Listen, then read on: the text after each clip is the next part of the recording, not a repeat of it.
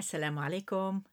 أهلا بكم أحبتي الصغار في حلقة جديدة وقصة مفيدة من حكايات تيتا story time والتيتا أنا تيتا أمل واليوم حلقتنا حلقة مميزة.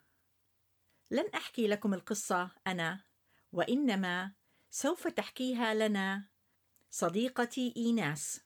صديقتنا إيناس تعيش في تورونتو وهي تحب أن تقرأ للأطفال القصص الممتعة في المكتبات العامة في مدينة تورونتو. أيضا لصديقتنا إيناس برامج هادفة للأطفال على موقعها ومواقع التواصل الاجتماعي لها ومنها برنامج يسمى فصحى الذي يهدف إلى تحبيب الأطفال باللغة العربية. على فكرة ايناس تتكلم ثلاث لغات العربية الإنجليزية والفرنسية. سعيدة جدا بالتعاون مع صديقتنا إيناس. والآن هل أنتم مستعدون؟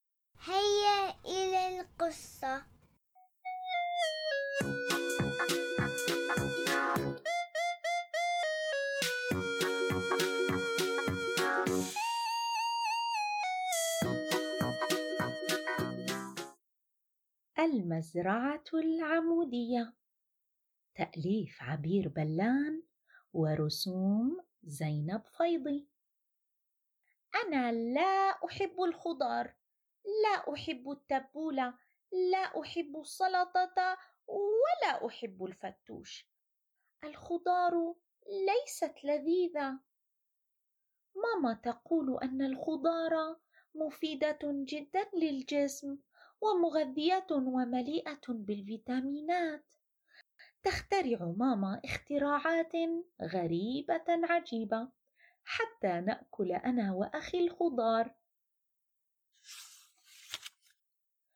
جزرة على شكل أرنب خيارة على شكل تمساح فليفلة على شكل فراشة قرنبيطا على شكل خروف. ولكن دون جدوى نرفض أكل الخضار. تقول ماما عندي فكرة هيا نلعب حزر فزر. نقول باستغراب ما هذه اللعبة يا ماما؟ أخذت ماما السكين وبدأت تقطع انواعا مختلفة من الخضار.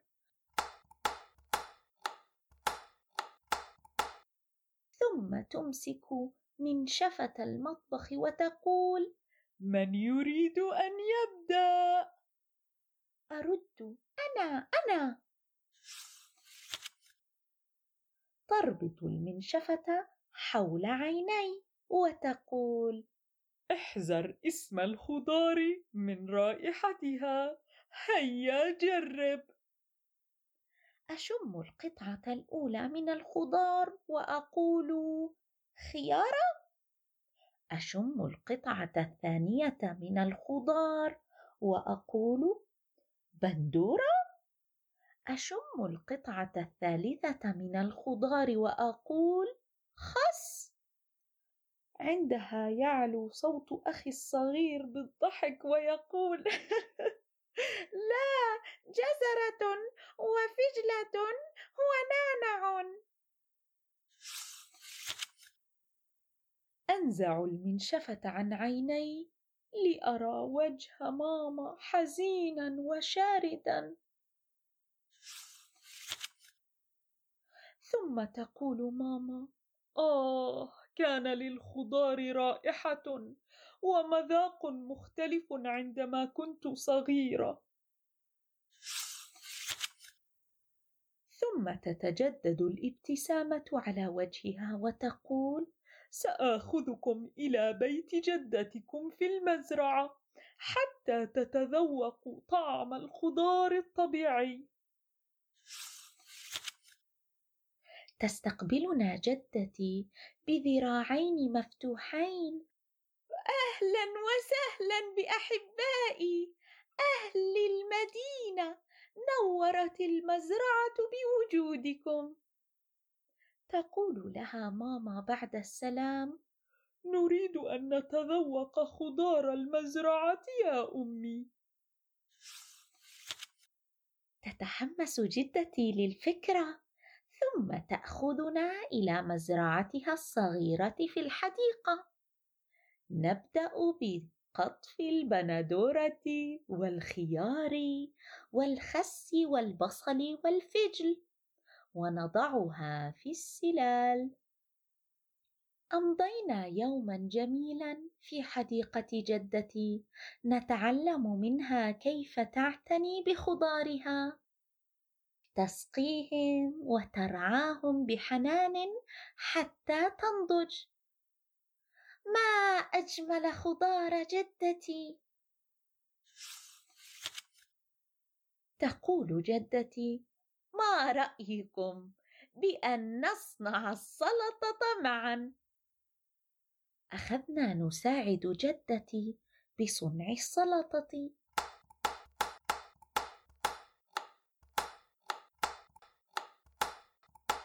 ما أجمل رائحة خضار جدتي؟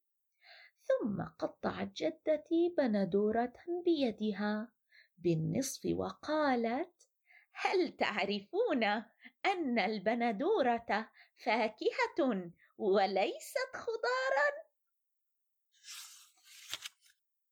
رشت عليها القليل من الملح وأعطت قطعة لي وأخرى لأخي. ما ألذ بندورة جدتي التهمناها كلها. في طريق العودة قلت يا ليت يكون عندنا خضار مثل خضار جدتي في المدينة. رد أخي الصغير ممكن يمكننا أن نحضر مزرعة جدتي إلى المدينة. قالت ماما هذه فكرة جيدة. لماذا لا نزرع الخضار في بيتنا؟ وهكذا يمكننا أن نأكل خضارا شهية كل يوم. أجبت ماما ولكن ليس عندنا حديقة. قالت ماما في المدن الكبرى بدأوا بالزراعة في المباني داخل البيوت وعلى الشرفات والنوافذ. هكذا يمكن لأهل المدينة أن يحصلوا على خضار صحي ولذيذ خال من المواد الكيميائية. ما رأيكم؟ صرخنا بصوت واحد. نعم نعم! عندما وصلنا إلى البيت أخذنا نبحث في الإنترنت عن الطرق الأفضل للزراعة في المباني.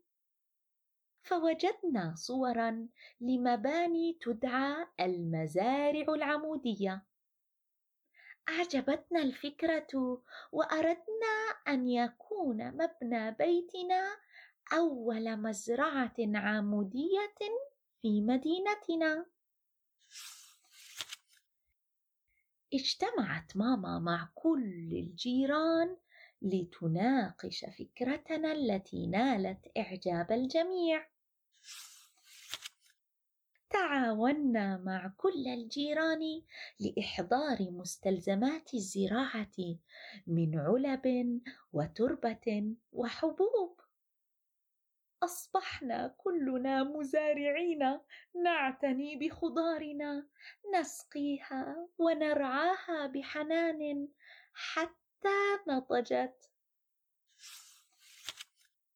بعد بضعة أشهر أصبح المبنى الذي نسكن فيه مميزا بين المباني الأخرى. وأصبحنا نأكل سلطة شهية كل يوم.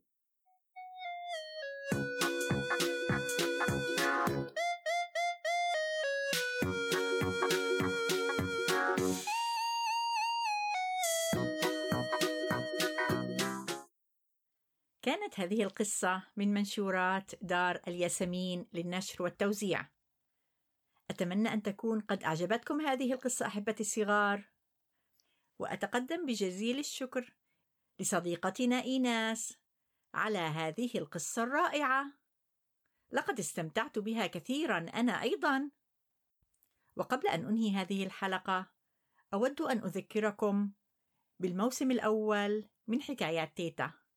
زوروا موقعنا storytimewithteta.com لتستمعوا إلى كثير من القصص في هذه العطلة الشتوية. وأيضا لا تنسوا اليوتيوب هناك الكثير من القصص الرائعة ذات الرسومات الجذابة. اعملوا لي لايك واشتركوا في القناة.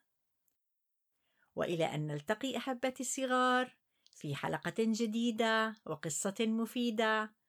أنا تيتا أمل أقول لكم إجازة ممتعة سعيدة وفي رعاية الله.